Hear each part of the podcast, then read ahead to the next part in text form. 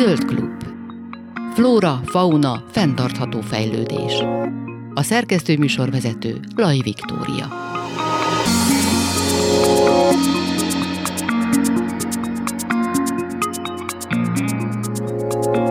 Kellemes délután kívánok, Laj Viktóriát hallják. Sok szeretettel köszöntöm a stúdióban Hillender tímát, az Afrika Sztorika Egyesület elnökét, Vadvilág mentort. Szervusz, köszönöm szépen, hogy újra itt, itt vagy velünk. Sziasztok, köszönöm szépen a meghívást. Mert arra emlékezhetnek a hallgatóink, hogy még tavaly nyáron, azt hiszem a júliusban voltál bent nálunk, egy picit beszélgettünk az Afrika uh, sztorik működéséről, ahol igazából nagyon sokféle tevékenységet végeztek, ottani iskolákban lévő gyerekeket mentoráltok, akkor, amikor itt voltál, valami könyv, könyvgyűjtés, vagy könyvvásár is volt készülőben.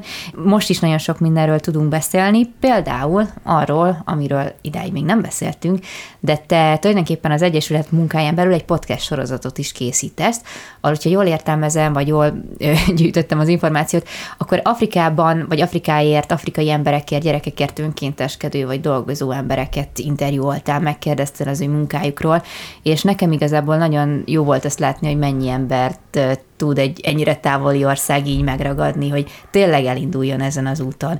Szerinted, még mielőtt kitérünk arra, hogy kik is ők is, hogy mi a, ennek az egésznek a célja, mi kell ahhoz, hogy valakinél ez így bekattanjon Afrika szerinted?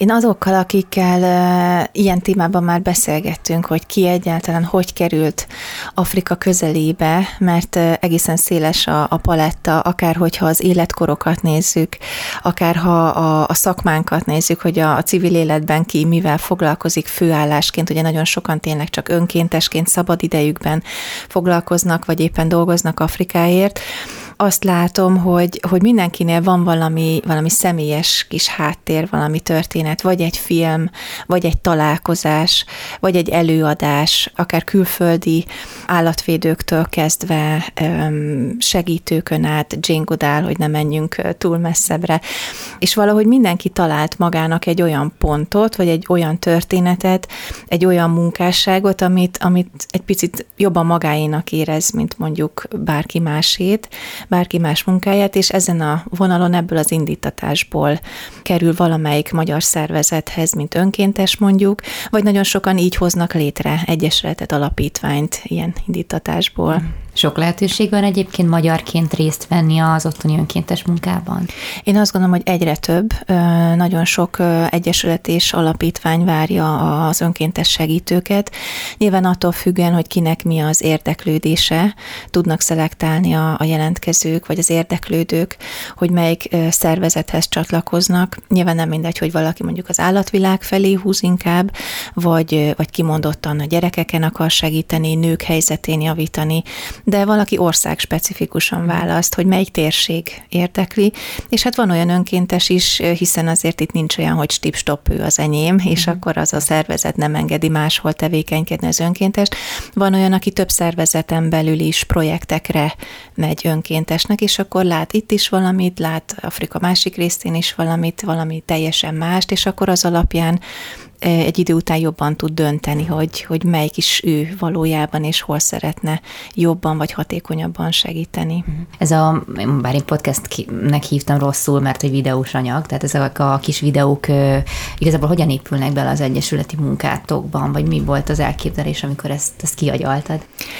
Mielőtt létrejött a szervezet, azelőtt már elindult ez a videósorozat, ez az milyen mini interjú sorozat tulajdonképpen, és az volt a célom vele, hogy mielőtt még szervezetté alakulunk, legyen egy olyan ernyő tulajdonképpen azoknak a magyar szervezeteknek, akik már évek óta ténykednek, vagy azoknak az önkénteseknek, akik tényleg szép sikereket és eredményeket érnek el, és jó pár éve már tudják határozottan, hogy ők Afrikában szeretnének tudnak segíteni. Azt gondoltam, hogy jó lenne egy ilyen semleges felület, aki igazából, vagy ami igazából egyik szervezethez sem húz, mm. nem mond véleményt, nem mondja, hogy ez jó szervezet, az jó projekt, a másik nem annyira érdekes, hanem kiválaszt egy-egy önkéntest az adott szervezettől, vagy akár a szervezet vezetőjét is, és vele készít mini beszélgetéseket, tulajdonképpen mindig más témában, vagy más fókusszal. Az első évadban mondjuk az az volt a fókusz, hogy fiatal nőként mennyire néznek értetlenül mondjuk akár a családtagok, akár a közeli vagy, vagy távolabbi barátok, ismerősök azokra, akik fiatal nőként, mondjuk közgazdászként teljesen normális hétköznapi foglalkozással a tarsójukban Afrika felé fordulnak, és hogy ez mekkora kihívás egyáltalán egy fiatal lánynak, vagy egy fiatal nőnek. Még ebben neked is van tapasztalatod. Te is jártál ugye kint Afrikában, még a Covid előtt, és azért hagyományosan kapcsolódik egy olyan prekoncepció ez az egészhez, hogy ez egy nagyon veszélyes dolog. Nyilván, hogyha az ember mélyebben utána néz, akkor látja az árnyalatokat, hogy ez nem feltétlenül mindig igaz, de hogy azért mégis a te családod az például hogy reagált erre, amikor azt mondtad, hogy nekem Afrika, én ki akarok menni, és tenni akarok ott valamit? Hát így Kenyában kezdtük el a munkát, többek között azért, mert Kenya volt a, az a destináció, ahova én szerettem volna menni, mindenképpen egy Douglas Hamilton nevű család miatt, akik ugye elefánt védelemmel, illetve elefánt megfigyelő tábort működtetnek, és azzal foglalkoznak. Kenya azért egy biztonságos úti célnak számít, tehát ez a Kenya-Tanzánia, ez úgy mindenkinek az a tipikus turista célpont, ugrik be rögtön a, a, a fejébe, vagy az villan be. Hát ha azt mondtam volna, hogy Mali, vagy Szudán, vagy a társai, vagy, vagy egy Kongó, akkor lehet azt mondják, hogy húha, hogy lehet, hogy jobban megijednek, de mióta így bekapcsoltam a, a Magyarországi Afrikát segítő szervezeteknek így a, a kommunikációjába, online is, meg személyesen is, én nagy örömmel tapasztalom azt, hogy például ma Kongóba kimenni, akár fiatal nőként is, vagy lányként, önkéntesnek, ez ma már nem az a Kongó, ami mondjuk 10-15 évvel ezelőtt volt. Amikor még emlékszem, hogy például a Frey Tamás, hogy mesélte, hogy a reptéren mekkora kihívás volt egyáltalán fehér emberként leszállni, hogy, hogy rizikó volt, hogy az útleveledet hova viszik, visszakapod-e, és így tovább. Tehát ez a Kongó, ugyanígy Afrika többi országa is, főleg ahol van azért fehér ember, jelenlét, most nyilván itt nem a gyarmatosítókra gondolok, hanem például Magyarországra, magyar jelenlétre. Én Maliból is, akik ott tevékenykednek szervezetek, annyi pozitívumot és jót hallani, hogy, hogy ma már nem ezen van a fókusz, hál' Istennek, vagy nem ezen van a hangsúly, hogy elmerjünk-e indulni. Uh-huh. Nyilván szervezetten közlekednek, vannak szabályok, nyilván kell a helyi vezetés, de nem, nem aggódva, nem félve mennek ki. Most itt a női fókuszra egy picit rá rákapcsolódva, hogy gondolom azért az sem mindegy, hogy aki kimegy akár egy iskolába gyerekekkel foglalkozni, lányokkal foglalkozni mondjuk, vagy szexuális felvilágosítást tartani ott a, a, az afrikai nőknek, lányoknak. Nem mindegy, hogy kitől kapják meg ezt az, ezt az információt, és gondolom, hogyha valaki főleg egy fiatal lányként kimegy, segít a gyerekeknek, ott van, velük van, fogja a kezüket, ez egy hatalmas inspiráció lehet, hogy lássák azt, hogy van út, hiszen ha már ugye ő is lány,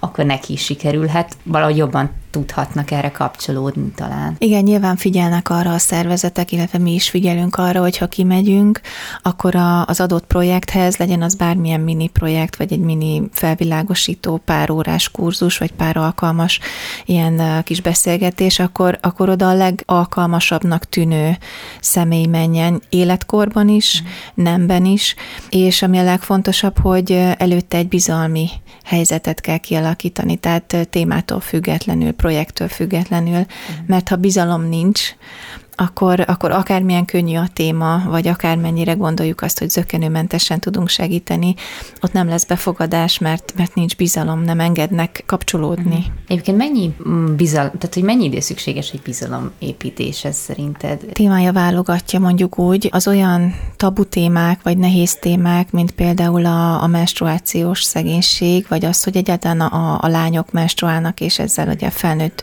nőnek kezelik őket, akár gyerekkorban is, 13 13-14 évesen, azért ez egy nagyon kemény téma több szempontból is. Egyrészt azért, mert itt ugyan a lányokat érinti maga a probléma fizikálisan, ugyanakkor a férfiakat sem hagyhatjuk ki a kommunikációból, mert ők hoznak nagyon sok olyan szabályt egy patriarchális világban, amivel a nők, ha csak a nőket edukálnánk, vagy csak a nőkkel beszélgetnénk, ők szinte tehetetlenek. Nagyon sokszor a vénekkel kell beszélni, az adott közösségnek az öregeivel, akik, mm. akik hordozzák ugye a bölcsességet, akik hozzák a mindenféle szabályokat úgymond, akiket mindenki tisztel, akiknek a szavá magára adnak. Nem mindegy egy-egy projektnél például, hogy, hogy kivel kezdjük a bizalomépítést, hogy kivel kezdjük egyáltalán azt, hogy, hogy értsék meg a, a probléma jellegét, a probléma forrását, azt, hogy, hogy itt mi a probléma egyáltalán, hiszen például a menstruációs szegénységnél nincs probléma, csak ők hozzák a maguk is kulturális hagyományaikkal, mm. hogy ez probléma, hogy ez egy szennyes dolog, ez egy, ez egy olyan tisztátalan dolog, hogy a nőket, a lányokat el kell zárni erre az X napra. Eddig nyilván kimaradnak a lányok az oktatásból sorolhatnánk, de ugyanez van a csonkítással nagyon sok országban. Számtalan olyan helyzet, ami, amivel tényleg néha nehéz eldönteni, hogy most kivel beszéljünk először, a szülőkkel, mm. az apával, a nővel, az anyával, a tanárral, a gyerekekkel kezdjük, hogy akkor ők nekik már teljesen új csirájában induljon mm. el a, a gondolatformálódás a fejükben. Úgyhogy ez, ez változó. Valamikor elég egy-két nap, különböző foglalkozásokkal nagyon jól föl lehet őket oldani, illetve látunk mindig vezéregyéniségeket, akiket követnek, ugyanúgy, mint itthon az iskolában is, vagy az óvodákban mindig van egy-egy ilyen kis vezéralak, akik köré csoportosulnak, akár egy játék során is a gyerekek, és akkor érdemes mondjuk őket megcélozni először. Picit vissza a Afrika Story Talks-ra, ugye indul a második évadotok, és egy nagyon érdekes vendég lesz az első, Kafia Mahdi, hogyha jól lehetem ki, Mahdi. Igen, igen. Ő egy szomáliai származású modell, igen. aki itthon, itthon él. Vele hogy kerültél kapcsolatba? Gondolkodtunk nagyon sokat, hogy magának a, a Ranger leszek projektünknek ki lenne a legmegfelelőbb magyarországi, de mégis afrikai uh-huh. származású arca. Ugye maga az a, a maga a foglalkozás, hogy ranger valaki, hogy parkőr, és az orvodászok ellen nőként fölveszi a kesztyűt, és fölveszi a harcot, ez, ez magában azt gondolom egy nagyon kemény és egyben veszélyes munka, hivatás. Káfiának az életéről tudni kell, hogy ő ugye Szomáliából elmenekült. Őt az édesapja eladta 14 éves korában egy férfinek, akihez nem akart nyilván hozzámenni, és az édesanyja segítségével embercsempészekkel egy éven át tartó utazása alatt Magyarországon találta meg a, a békét, a védelmet, a második otthonát tulajdonképpen. Az a tisztaság, az az erő, amit Káfia képvisel, nekem ez annyira, annyira egybe csenget, és annyira egyértelmű volt, hogy, hogy ennek a programnak, vagy ennek a beszélgetésnek is például az első alanya, az mindenképpen, hogy ő kell, hogy legyen, mert annyi, annyi üzenetet hordoz magában, az újrakezdés lehetőségét, azt, hogy ha egy százalék esélyed is van arra, hogy mondjuk jobb életed lehet, csak indulj el, mm. csak, csak merj dönteni, mert meglépni a lehetetlent. Szerintem ebből annyi üzenetet ki lehet olvasni, hogy, hogy ennél ennél szebb kezdés mondjuk nehezen találni egy ilyen videósorozathoz, egy második évadhoz. Abszolút, meg hát mi is nagyon sokat tanulhatunk, akár idehaza is. Ugye ő ennek a Ranger leszek programnak lesz a nagykövete, ahogy mondtad, Igen. ami most akkor szintén maradunk ugye a lányvonalon. Ha, ha jól tudom, akkor három iskoláskorú lányt próbáltok segíteni, hogy rangerek, parkőrök, vagy hát vadőrök lehessenek ott Afrikában. Tudnál róluk mesélni, hogy ők kicsodák, és hol élnek? Um, Szamború terület területén, hát mondjuk úgy, hogy a semmi közepén, de szó szerint a semmi közepén van egy általános iskola, a Lorube általános iskola, ahol mintegy 600 gyerek tanul. Ez ugye 14 éves korig általában vannak ott a diákok, illetve tanulnak, és egy olyan 60 főnyi erős magnak az egyik tanár úr, Isiki tanár úr minden héten tart, teljesen ingyen a saját önszorgalmából egy ilyen, hát úgymond talán itthon mondanánk úgy divatos, hogy ilyen zöld kurzust, vagy zöld blokkot, ami tényleg a természetismeretről, állatismeretről, a vadvilág kenyai jelentőségéről szól, hogy fölhívja a gyerekek figyelmét arra, hogy ha Kenyának nincs vadvilága, akkor Kenya a turizmus nagy részét elveszíti, az abból származó bevételeket is elveszíti, ezáltal még nagyobb szegénység lenne az országban, tehát hatalmas bevételtől esnének el, és próbálja a gyerekeket a vadvilág védelem köré szervezni. Ez a három kislány, akit kiválasztott, ez még kenyai anyai szinten is hátrányos helyzetű.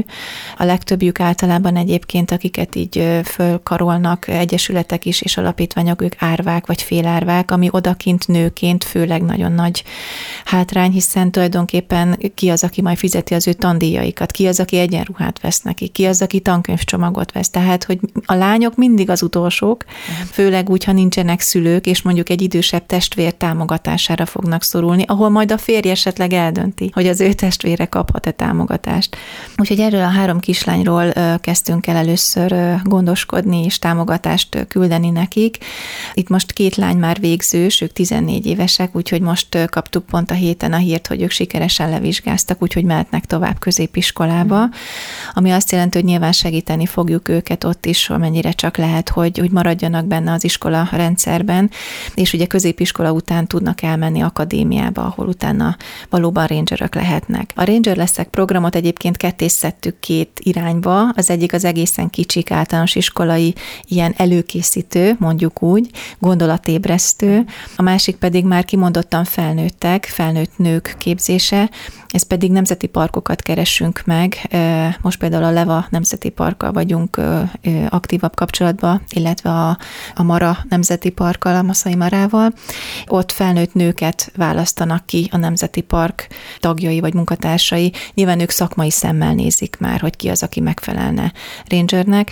Itt nyilván van szellemi és testi fizikai állóképesség, megfelelési elvárás is, tehát akárki nem lehet ranger, akármennyire szeretne mondjuk, hogyha ha mondjuk szellemileg ezt nem bírja, vagy fizikálisan. Úgyhogy ez a két irány van, az egyik az tényleg már rögtön egy akadémiai képzés, a másik pedig ez a, ez a gondolatébresztő, minél előbb felvilágosító, hogy ilyen lehetőség is van, tehát nem muszáj mindenkinek fodrásznak lenni, vagy boltéladónak, vagy bármi másnak, hanem akár az állatvilág köré is tudnak pozíciók szerveződni.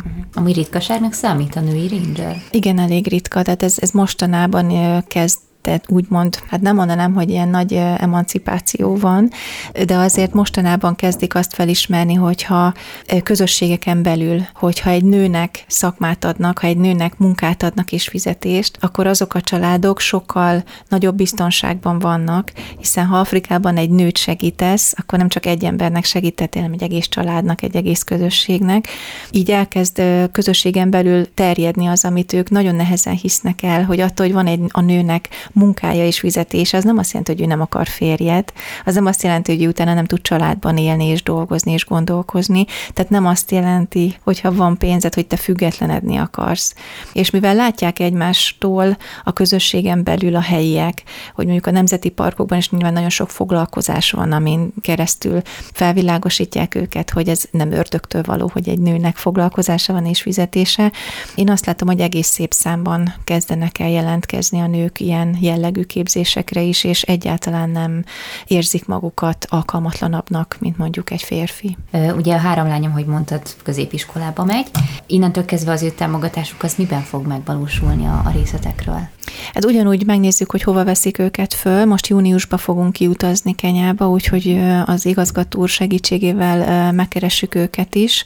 Ugye ők most már elhagyják majd az iskolát, amit támogatunk, de megnézzük, hogy akkor hova nyertek felvételt, és akkor ott fölvesztük szintén az igazgatósággal majd a kapcsolatot, hogy akkor mennyi a tandíj, tudják-e fizetni, vagy egyenruhát, tankönyvet, bármitre szükség van-e, vagy nem. Illetve hát a bentlakás még egy nagy kérdés, hiszen ugye itt Kenyában is több száz kilométerre vannak esetenként a, a gyerekeknek a, a szüleik, tehát ők brit mintára abszolút két-három hónapokat bent töltenek az iskolában, mint bentlakásos gyerekek. Pénzük sincs utazgatni, nyilván az utazás is egy, egy kész tortúra, tehát ott 100 kilométer az, az nem annyi, mint itthon, 100 kilométer időben sem, és hát nyilván pénzük sincs rá. Illetve júniusban most, ha megyünk ki, akkor szeretnénk a következő induló szemeszterre már új diákokat kiválasztani, akik, akik szintén támogatást nyerhetnek majd, reméljük minél több magyar jelképes örökbefogadóra találnak. Uh-huh. Akkor már hiányzott, gondolom, Afrika. Igen, Várat, igen. Vár, vár, nagyon várjuk, már szervezzük, próbálgatjuk a minden napba betenni azt, amit csak lehet, hogy a legjobban ki tudjuk használni a, a kint töltött időt. Mennyire sikerült akár ez a programhoz is támogatókat szerezni, akár hogyha most az elmúlt egy vagy három négy évre gondolunk, tehát gondolom nem egyedül kell mindezt megcsinálnod. Nem, nem, szerencsére nem, illetve nem tudom, annyi érzelem meg input éri az embert, hogy ezt nem is lehet egyedül csinálni, mert, mert mindig meg kell valakivel beszélni azt, hogy, hogy mi történik, mm. vagy, vagy mi sikerült. Nagyon örülünk például, hogy a Ranger Leszek programot azt a Hungary Helps ügynökség is támogatta egy nagyobb adományjal, úgyhogy nélkülük nyilván jóval kisebb léptékben tudtuk volna csak magyar segítsége, magyar családok meg, meg olyan személyek segítségével elérni, amiben most így rögtön nagyba belevághatunk, illetve most volt márciusban az Afrika Expo, amin szintén nagy lehetőség volt, hogy standot kaptunk a szintén a Hungary Helps jó voltából, és ezért ott nagyon sok szülő, kisgyerekes szülő, fiatalok jöttek és, és ajánlották a segítségüket, illetve nagyon örültünk, hogy például nyomdától is kaptunk megkeresést és támogatást, hogyha bármilyen szóróanyagra szükségünk van, akkor abban segítenek. Úgyhogy összességében azt látom, hogy, hogy minél nyíltabban és minél aktívabban tényleg így idézőbe kitárjuk a, a kártyáinkat, vagy az ötleteinket, annál több helyről jön visszaigazolás, vagy támogatás arra, hogy, hogy mi az, ami jó, mi az, amiben látnak jövőt, és mi az, ami, ami mondjuk egyedi. Tehát például ezzel a ranger képzéssel, vagy magával a vadvilág védelemmel azért elég kevés szervezet foglalkozik. Ugye Jane intézet nyilván ők a csimpánzok révén nagyon elterjedtek, illetve ismertek, de ezen kívül Magyarországon olyan hú de nagy fókusz talán, ami így a köztudatban is van, nem nagyon esik a, az állatokra, ami, ami mondjuk Afrikát érinteni, úgyhogy szerintem ez a Ranger program sok mindenkinek egyébként érdekes, vagy, vagy valamilyen szempontból különleges, hogy akkor most ott mi fog történni, és hogy kapcsolódnak be az állatok, és milyen állatok, és, és így tovább, úgyhogy mi is izgatottan várjuk, hogy mennyire engednek majd bennünket mondjuk a nemzeti parkok közel, mondjuk egy ranger képzés végén, hogy interjút készítsünk a, a lányokkal, vagy a hölgyekkel, akik elvégzik, egy picit bepillantást nyerjünk a munkájukba, elkísérjük esetleg őket megfelelő védelem, megkíséret mellett természetesen mondjuk egy napjukra. Uh-huh. Egyébként az is felmerült, ahogy bennem, ahogy mondod, hogy ez sok mindenkit megmozgat, tényleg ez egy nagyon különleges és egy nagyon érdekes rész, ez a Ranger leszek, de hogy vajon erre lehetne önkéntes programokat rászervezni, vagy ez tényleg egy olyan veszélyes és elzárt terület, ahol mondjuk, ahogy mondod, titeket sem biztos, hogy beengednének, hogy lekövessétek, hogy azt mondják, hogy egy civil ide bejöjjön, és hogy kipróbálja magát, akár egy nemzeti parkban, hogy ez van-e esetleg egy ilyen terv, hogy talán esetleg önkénteseket kiszervezni, hogy maradtok ezen az online virtuális vonalon? Igazából azt gondolom, hogy a, az általános iskolai részhez mindenképpen tudunk, sőt, oda nagyon örülnénk, hogyha biológusok, állatorvosok jelentkeznének, hogy őket mondjuk érdekelni a gyerekek edukációja és a vadvilágnak a minél közelebbi ismertetése. Nagyon kevés könyvük van, még kevesebb képanyag. Azt gondolnánk, hogy ott élnek a, az édenkertbe tulajdonképpen az állatok között, és micsoda állatismeretük van, és ez nem így van. Uh-huh. Nagyon keveset tudnak a vadvilágról, ami őket körbe, körülveszi, nagyon keveset tudnak az állatokról. Nyilván nincsen infrastruktúra sem arra, hogy nagyon mutogassuk ezeket az állatokat, tehát most például laptop adományokkal fogunk majd érkezni, próbálunk vinni olyan használ, minden használt egyébként, tehát semmit nem újonnan viszünk, ami külön jó, mert nyilván ami itthon úgy gondoljuk, hogy már, már nem jó, vagy nem alkalmas semmire, az odakint új értelmet és új életet nyer. Ugyanígy könyvekkel készülünk kiutazni, ez többek között az előző műsorból kapott adományok, másrésztből pedig olyan használt könyvek, amit kimondottan a tanár úr kért ehhez a zöld oktatáshoz, úgymond, amiben kimondottan Kelet-Afrika vadvilágát tudják tanulni a gyerekek. Tehát ide például abszolút szuperül lehet önkéntesként kapcsolódni, oktatás illetően, felvilágosítást illetően, akár a Nemzeti Parkba be tudjuk vinni a gyerekeket, mm. és ott mindenféle játékos formában motiválni őket, kikérdezni őket, hogy melyik állatot ismerték föl, mit láttak. Nagyon örülnek minden foglalkozásnak, nagyon örülnek minden jó szónak. Nagyon kevés figyelmet kapnak az afrikai gyerekek otthon, hiszen a legtöbb családban kilométereket gyalogolnak azért, hogy egyáltalán ivóvízük legyen. Ott a nőkön két-három gyerek van, szó szerint lóg, tehát föl vannak akasztva, vagy a hátukra ugyanúgy cipelik hordozóba őket, mint mondjuk itthon, amit látunk, csak valaki elől hátul, meg még egy rakomány a fej fején. Tehát ott nagyon-nagyon kis idő, és talán nem tudom, nincs is hagyomány annak, hogy kommunikáljunk a gyerekekkel, hogy megbeszéljük, hogy milyen volt a napja. Nem tudnak a holnapban gondolkozni nagyon sokszor, nem értik a holnap vagy a jövő jelentését, hiszen a mát kell túlélni. És mennyire kellenek ez az olyan tanárok, mint például a, énben a szamburui Igen, mint Isigi úr, igen, aki, aki tényleg 30 éve tanít az iskolában, nyilván mehetne bárhova máshova, meg próbálkozhatna, akár fővárosba, hogy hát ha jobb körülmények között tudna tanítani. Itt a porban rajzolnak, egy könyvből tanít 60 gyereket így iskola után, hogy, a, hogy az állatokat megmutassa, hogy, hogy milyen madarak vannak, vagy egyáltalán a, nem tudom, a legnagyobb és legismertebb vadakat, amire mondjuk Kenya turizmusa épül. Mm. Tehát azért ezek elképesztő különbségek mondjuk egy itthoni átlag általános iskolához képest is. Mm. Nyilván itthon is vannak olyan gyerekek, akire nagyon kevés idő jut, akire, aki minden egyes jó szóért nagyon hálás, és nagyon nagy párhuzamot látni mondjuk egy afrikai gyerek, és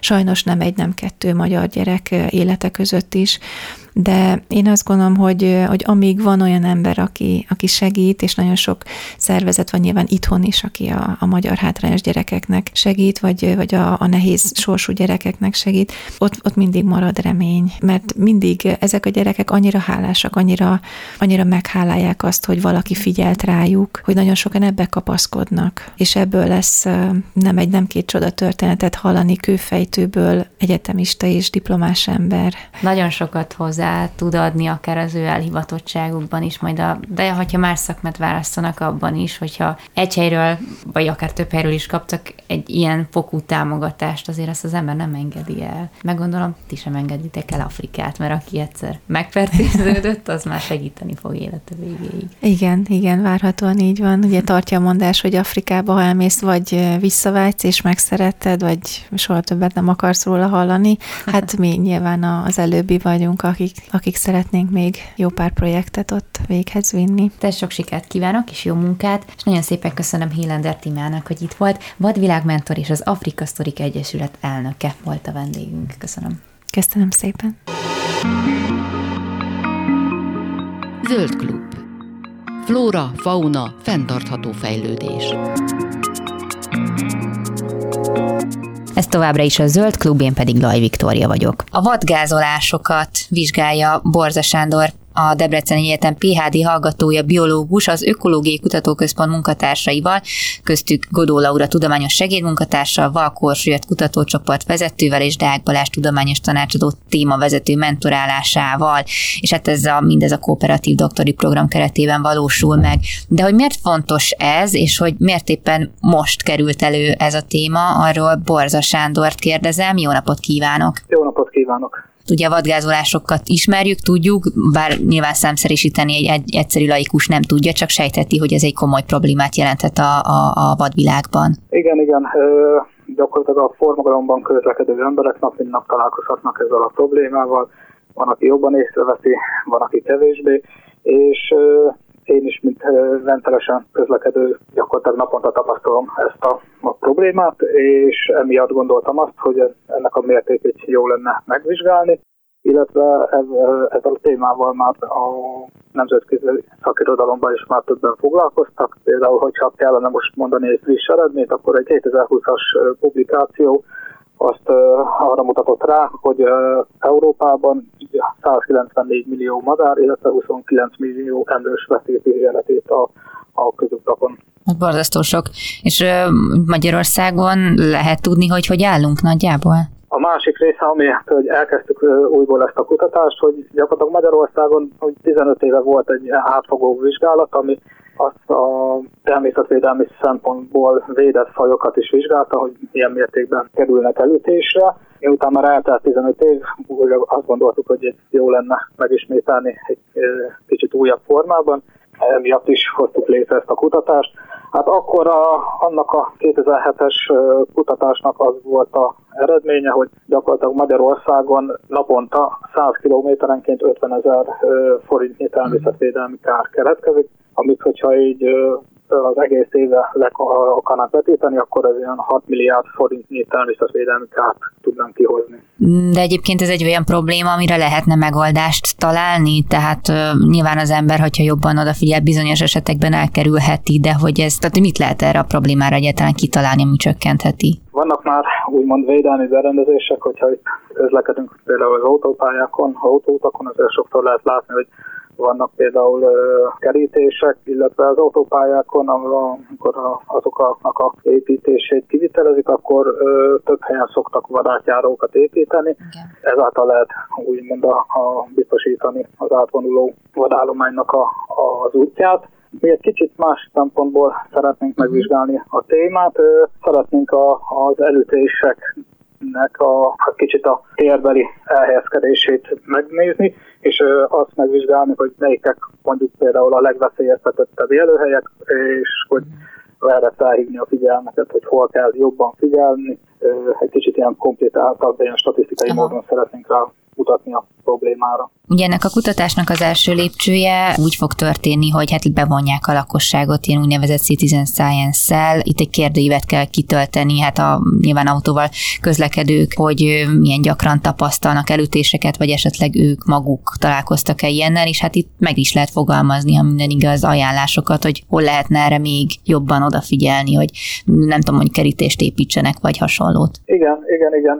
Fontosnak találtuk bevonni a hétköznapi embereket is ebbe a, a, ennek a problémának a megvizsgálásába, és így van a, a gyakorlatilag ennek a projektnek a egyik részét képezi egy ilyen kérdőíves felmérés is, amit próbálunk minél szélesebb körben terjeszteni, annak érdekében, hogy bárki elmondhassa a véleményét, illetve számítunk itt a gépjárművel közlekedőknek a, a tapasztalatára is, hogy eddig mit ütöttek el, ha emlékszenek rá, milyen útszakaszokon látnak több elütött állatot a mindennapi közlekedésük során, illetve mit tartanak fontosnak, esetleg történt-e már anyagi kár a vaddal való ütközés szempontjából, ez ilyesmi. Ha valaki autóval jár, akkor is megkérdezik, hogy miből lát a legtöbbet, akkor nyilván azt mondja, hogy kutya, macska, róka, sűn, nem tudom, béka, tehát hogy ezek a nagyon gyakori áldozatai az autós közlekedésnek. Ami engem így egy kicsit meglepett, hogy a, a kisebb testi madarak, tehát akár bagyok esetében is, tehát nem kisebb testű konkrétan, de hogy nagyon gyakori az elütéseknek a száma, és hogy iszony, ahogy említette, és ilyen madárállományban mekkora pusztítást végeznek a, a gázolások, de hát, hogy nem tudom, hogy az ember nem is gondolná, vagy lehet, hogy sok esetben mondjuk észre sem veszi, hogyha egy kis testű madár el lesz csapva egy autó által. Hát ez gyakorlatilag szerintem a, a, a vezetőnek a személyétől is függ, hogy ezt mennyire veszi észre, illetve sokszor az, hogy mennyire tartja a problémának ezt a, a, a témát. Egyébként itt a, a ismerősi körbe, akik így nem a szakmabeliek, úgymond egy ilyen előzetes felmérést már végeztem és kérdezősködtem, és sok ember ö, emlékszik erre, de ha még ha csak egy kis madarat is elütött, ez így nekik a tudatukban van. Természetesen hát meghatározni nem tudják a fajt, de ez is nekünk gyakorlatilag információval tudják, hogy elütöttek egyszer egy kis madarat, egyszer ú, egy bagoly repült eléjük, uh-huh, úgyhogy ezekből teljesen hasznos információkat tudunk kinyerni ezekből a a információból is. De egyébként például a, a madár elütések, ezek inkább az ilyen mm, lakossági vagy települési állományokra igazak, vagy akár országúton is történhet ilyen, mert mondjuk én még ilyennel nem találkoztam, hála az Istennek, de hogy inkább hol lehet erre számítani? Hát mi első sorban itt a, a úgymond a lakott területen kívüli vizsgáljuk, de természetesen a lakott településeken is történhet elütés. A településeken valamilyen szinten kevesebb fajjal találkozhatunk, mint a külterületen, úgyhogy mindkét helyen érdekesnek tartjuk az ilyen elütéseket. Most is számszerűsíteni konkrétan mm, nem tudok, de de sokkal több fajjal találkozhatunk a külterületen, mint egy belterületen, és természetesen minden adatot gyűjtünk.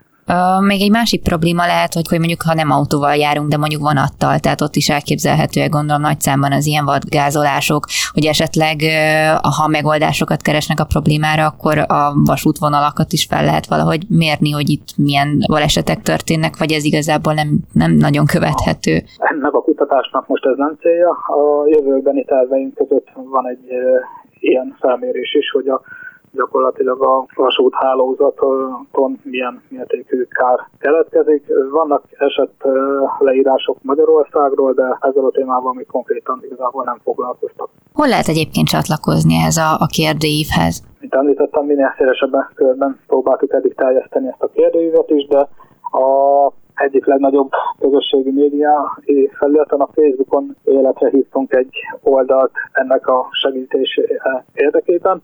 Ez a, a Roadkill projekt Hungary nevet kapta. Ugyebár a Roadkill ez a, az angol tudományos neve ennek a állatokkal való ütközésnek, és ezzel a egy szóval gyakorlatilag jól kifejezhető ez a, ez a probléma és ezen az oldalon aktuális információkat lehet találni, illetve meg lehet találni magát a kérdőívet is, a, valamint ha előző a témával kapcsolatos interjúk is megtalálhatók ezen a felületen. És hogyha egyébként majd lezárul maga ez a kutatás, akkor itt gondolom már megoldásokkal tudnak menni a, hát az illetékesek elé, hogy ez, nem tudom, hogy számítanak arra, hogy ez gyorsan, tehát egy jó, egy jó együttműködés kialakulhat akár akár az ilyen közúti fenntartókkal, vagy nem tudom, hogy kinek a felelőssége mondjuk egy bizonyos útszakaszon felhúzni egy kerítés, vagy esetleg figyelmeztető táblák kihelyezése, de hogy számítanak rá, hogy itt lesz elég lobby, lobby ereje ennek a témának, hogy, hogy tényleg gyakorlati lépések történjenek?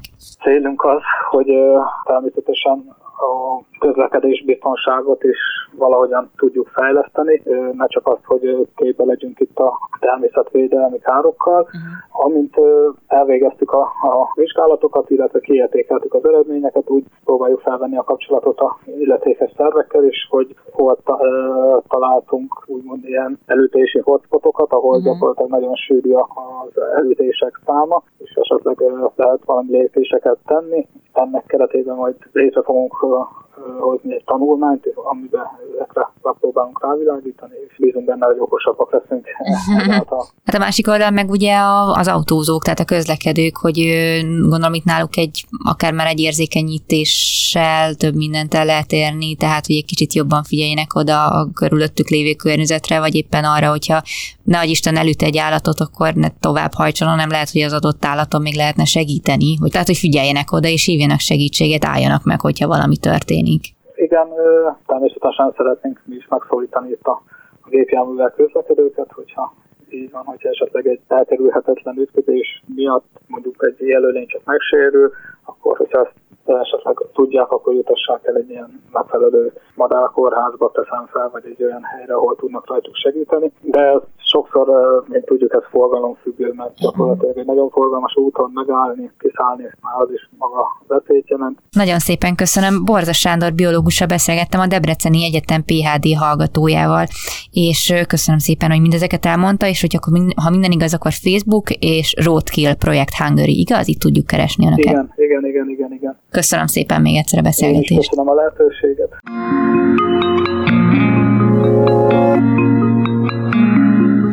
A Gödöllői Királyi Kastély három napra a természet és a környezetvédelem filmpalotájává válik. A hagyományoknak megfelelően ez a különleges helyszín ad otthont május 27 és 29-e között a 8. Nemzetközi Természet és Környezetvédelmi Fesztiválnak, ahol világszerte elismert stúdiók és alkotók legújabb produkciói versenyeznek majd. Négy helyszínen száz filmet nézhetnek meg a látogatók, többek között olyan izgalmas alkotásokat, mint a David Attenborough narrált a Miért fontos a biológiai sokféleség című animáció, vagy például a világ legveszélyeztetettebb folyóját bemutató Ganga lelke. Az ingyenes, kutyabarát eseményen a filmek mellett színes családi programokkal is várják az érdeklődőket. Több művészeti ág is képviselteti magát, tressárt kiállítással, színes kulturális programokkal és neves fellépőkkel, gyermekprogramokkal várják a természet szerelmeseit. A fesztivál programját bemutató tájékoztató egyik résztvevője Ürge Forsász Diana fizikus klímakutató volt, aki egyébként a fesztiválon is vendég lesz egy kerekasztal beszélgetésen. Arról beszélt, miért is van a művészeteknek, például a természetfilmeknek hatalmas szerepük a gondolkodásunk megváltoztatásában. Előtte elmondta, hogy mostanában kezdtünk rájönni arra, hogy a rovarok nagyon is jól ellennének, ha mi nem lennénk. Viszont mi nem fogunk enni, hogyha a rovarok nem lesznek, hiszen az élelmiszerünk háromnegyedét beporzásnak köszönhetjük. De, mint mondta, itt nem csak a cuki méhecskékre kell gondolni. Sőt, igazából a beporzás nagy része, a beporzás nagy részét a csöppet cuki, hímszúnyogok, tarazsak, egyek, musticák, micsek végzik. Nem lenne kávé például ilyen kis musticák és micsek nélkül. Viszont ezek bizony megtizedelődtek, az őket rendszeresen reggeliző pókokkal, madarakkal együtt. Itt a nagyipari szinten folytatott növényvédelem és a szúnyogmentes városaink, nyaralóhelyeink oltárán. És az utóbbi években észrevettük, hogy hiába az egyre több kemikália, bizonyos kellemetlen rovarok egyre inkább átveszik a terepet. Igaz? Biztos önök is küzdenek a poloskákkal, nem? Nem küzdenek a poloskákkal. Volt egy pár év, amikor harlekinkaticákkal küzdöttünk, kullancsokkal, csótányokkal, és így tovább. Hát igen, hölgyeim és uraim, azt hittük, hogy mi ügyesebbek vagyunk, mint a Jóisten. Vagy az evolúció, ki hogy szereti. Majd mi kipucoljuk a természetből, ami nekünk nem kell, igaz? Amire nincs szükségünk, vagy kifejezetten az utunkban van, és milliárd számban elterjesztük, ami, ami jó. Az a pár dolog, ami hasznos, mert igazából nagyon pár dolog az, amit igazán hasznosnak gondolunk, hogyha belegondolunk abba, hogy a Földön élő gerinceseknek a kétharmada, a tömegének a kétharmada már haszonállat, és csupán egyharmada pedig mi vagyunk, és egyetlen egy maradék százaléka a vadon élő állatok még mind összesen. És lassan kezdjük csak sajnos sejteni, hogy ez így nem működik. Hogy pont azért terjedhet el egyre jobban az a pár kellemetlen faj, mert a többi helyét kiürítettük. És az a pár jól alkalmazkodó tudja a legkönnyebben gyorsan helyüket betölteni. És mivel kioltottuk azokat a madarakat, a pókokat, a többi rovarfajokat, amik ügyesen kordába tartották a többit, mert hogy a természet ilyen szépen be van állítva. De ráadásul minél több vegyszert vetünk be ezek ellen, akár szonyogok ellen, hosszú távon valószínűleg annál inkább csak a legutálatosabbak és a legkártékonyabbak, még erősebb elterjedése elé gurítjuk ki a vörös szőnyeget. Ugye 50 éve jelent meg a Római Klubnak a Növekedés határai című jelentése, amiben először megkongattuk a vészharangot, hogy nem lehet a luxusunkat, a növekedésünket végtelenségig folytatni. 50 éve árasztja el a tudományos élet, a társadalmat és a döntéshozást a figyelmeztetésekkel, a megoldásokkal. És 50 éve engedjük el ezeket a fülünk mellett folyamatosan. Innen a tudomány tehetetlen. Hiszen önök is hiába hallották, hogy most, amit én elmondtam a rovarokról, nem hiszem, hogy most hazarohannak, és pánikszerűen fogják felkutatni a lakásban levő összes rovarírtószert, hogy örökre száműzzék ezeket a háztartásoknak a tájáról is. Igen, mert sajnos rá kell jönnünk nekünk kutatóknak, tudósoknak, hogy amit csinálunk, az nem innen indul. Hiába értjük meg, nem racionálisan döntünk. Innen indul.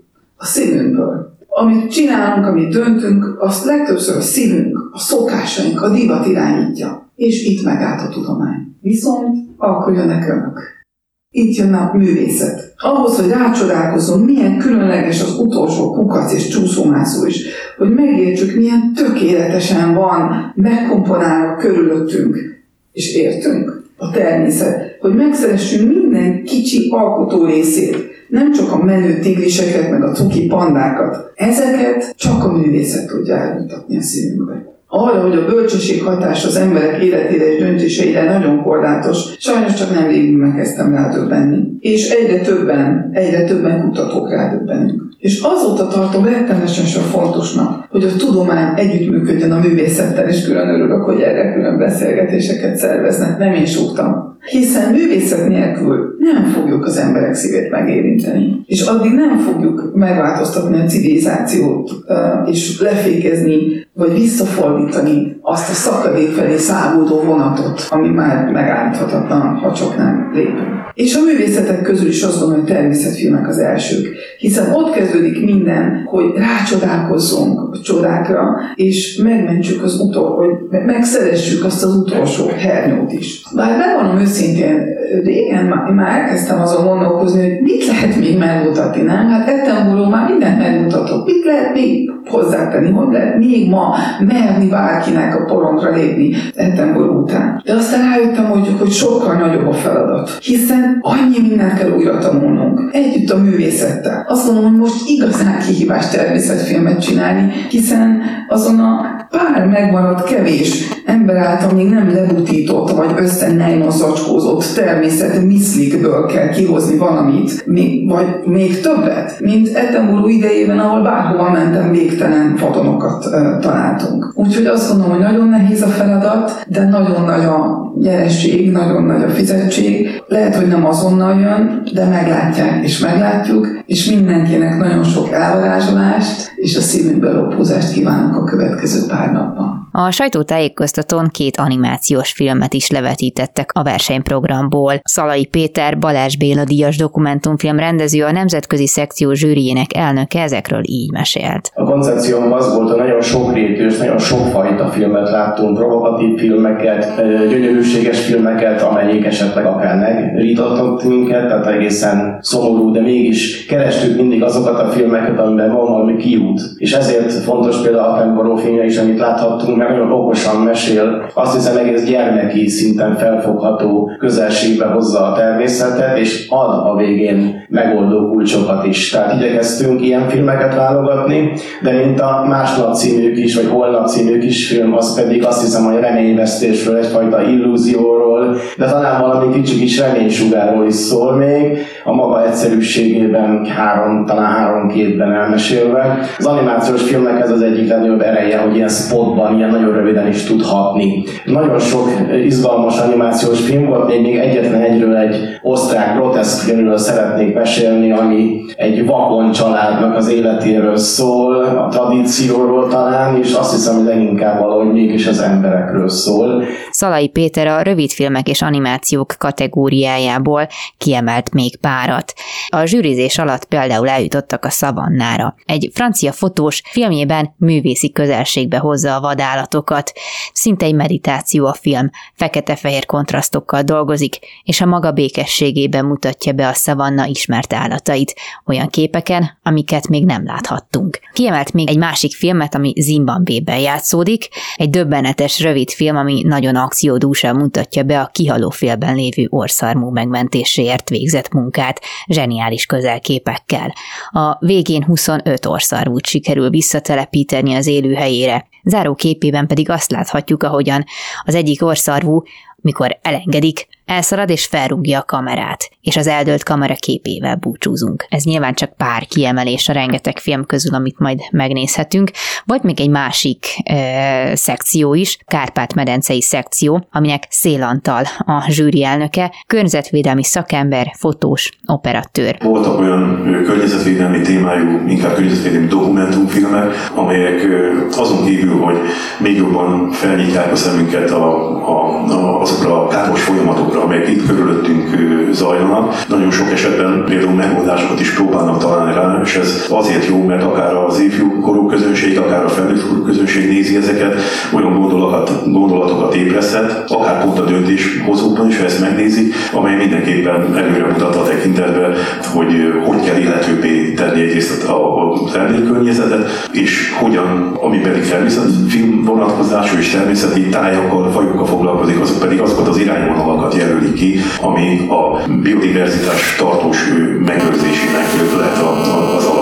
De vajon milyen korosztályt mozgat meg a természetfilm készítés? Felfedezhetők voltak fiatal, akár elsőfilmes produkciók is, és ez azért jó, mert most már maga a felvételtechnika sem olyan, olyan beszerezhetetlen áru már Magyarországon, hozzáférhetőek azok a technikai eszközök, amikkel gyakorlatilag ezeket az alkotásokat meg lehet, ugye lehet készíteni. Örülünk annak, hogy egyre több fiatal nyúl ilyen önkifejezési formához, nem csak a saját maga gyönyörködtetésére, úgymond, hanem hát a fesztiválokon keresztül bemutatva egyrészt azokat a gondolatokat, amely őt foglalkoztatja, másrészt pedig hát eljutatva ezeket a gondolatokat olyan tömegekhez, akik úgymond szintén magáénak tudják ezeket a gondolatokat. Úgyhogy fejlődőben van egy fiatal generáció, nagyon brilliáns vágási technikák, megjelentek nagyon szép kidolgozott természeti hangok, illusztrációként a filmek alatt, amely, amelyet nem nyom el a narráció, a zene, ami hát régebben sok esetben túlnyomó részt így, így megfigyelhető volt ebben, és a, az embert, ha már csak arra is készíti, hogy saját maga megtapasztalja a természet természeti tájnak ezt a fajta gazdagságát, már az haszon, hiszen a, a szabadépítőkben töltött minden perc, úgymond a, a, az emberi egészségnek a, a karbantartója. Szalai Péter ehhez a következő tapasztalatokat fűzte hozzá. Egész extrém, hogy például a animációs műfajban egy indozista osztálynak a Bicajra fejlesztő filmjét, nagyszerű kis animációt láthatjuk, tehát ez a korosztály is megjelent a verseny kategóriában, és én úgy éreztem, én direkt megnéztem mindig az alkotói hátteret, hogy viszonylag fiatal középosztály csinálja elsősorban már ezeket a nagy filmeket. Persze vannak olyan egészen másik végletbe való kivételek is, itt még animációs filmet említetek, a Nem hiszem el című filmet, amit jól emlékszem, hogy 1938-ban született ember készített. Az egyik legerősebb provokáció valami olyasmiről szól egyébként, hogy, hogy nem hisszük el, de itt valami nagyon megtörtént, és egy, egy nagyon groteszk film szintén, tehát ő egy idősebb, sőt volt olyan úriember, jól tudom, aki a méhekről készített filmet, aki talán menedzser világból szakadt ki, és a saját háza körül lévő állatokról készített filmet, tehát ez a két végpont is megvan. A Ganges környékén játszódik egy film, egy elképesztő gyors tempójú film. Tehát a ma divatos eh, keresztbevágott, hogy egy dokumentumfilmes a világon olyan erős tendencia, nagyon gyorsan látják a nézőpontokat, a véleményeket, és ez egy ilyen tempójú film Gangesről, és ami a legcsodálatosabb, hogy utána olvastam szinte hihetetlen, de egy ilyen 18-20 év körüli csapat csinálta is a filmet, nagyjából a tempó is, és a zene használat, és minden e felé visz, hogy a fiataloknak tudjon egy olyan filmet megmutatni, a rituálékat is bemutatja, a Ganges szennyezettségét, egy, egy fantasztikus film, és én úgy érzékeltem, hogy egy egészen kivételesen fiatal csapat csinálja mindezt.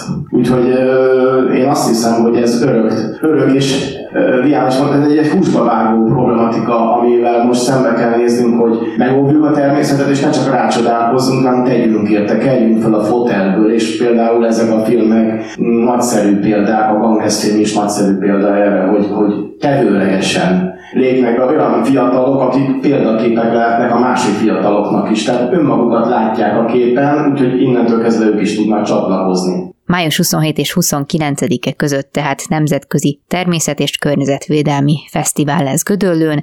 További információkért látogassanak el a naturefestandfilm.com weboldalra. Ezzel pedig a műsor végéhez értünk. Köszönöm a figyelmüket, további kellemes rádióhallgatást kívánok. Laj Viktoriát hallották, viszont hallásra.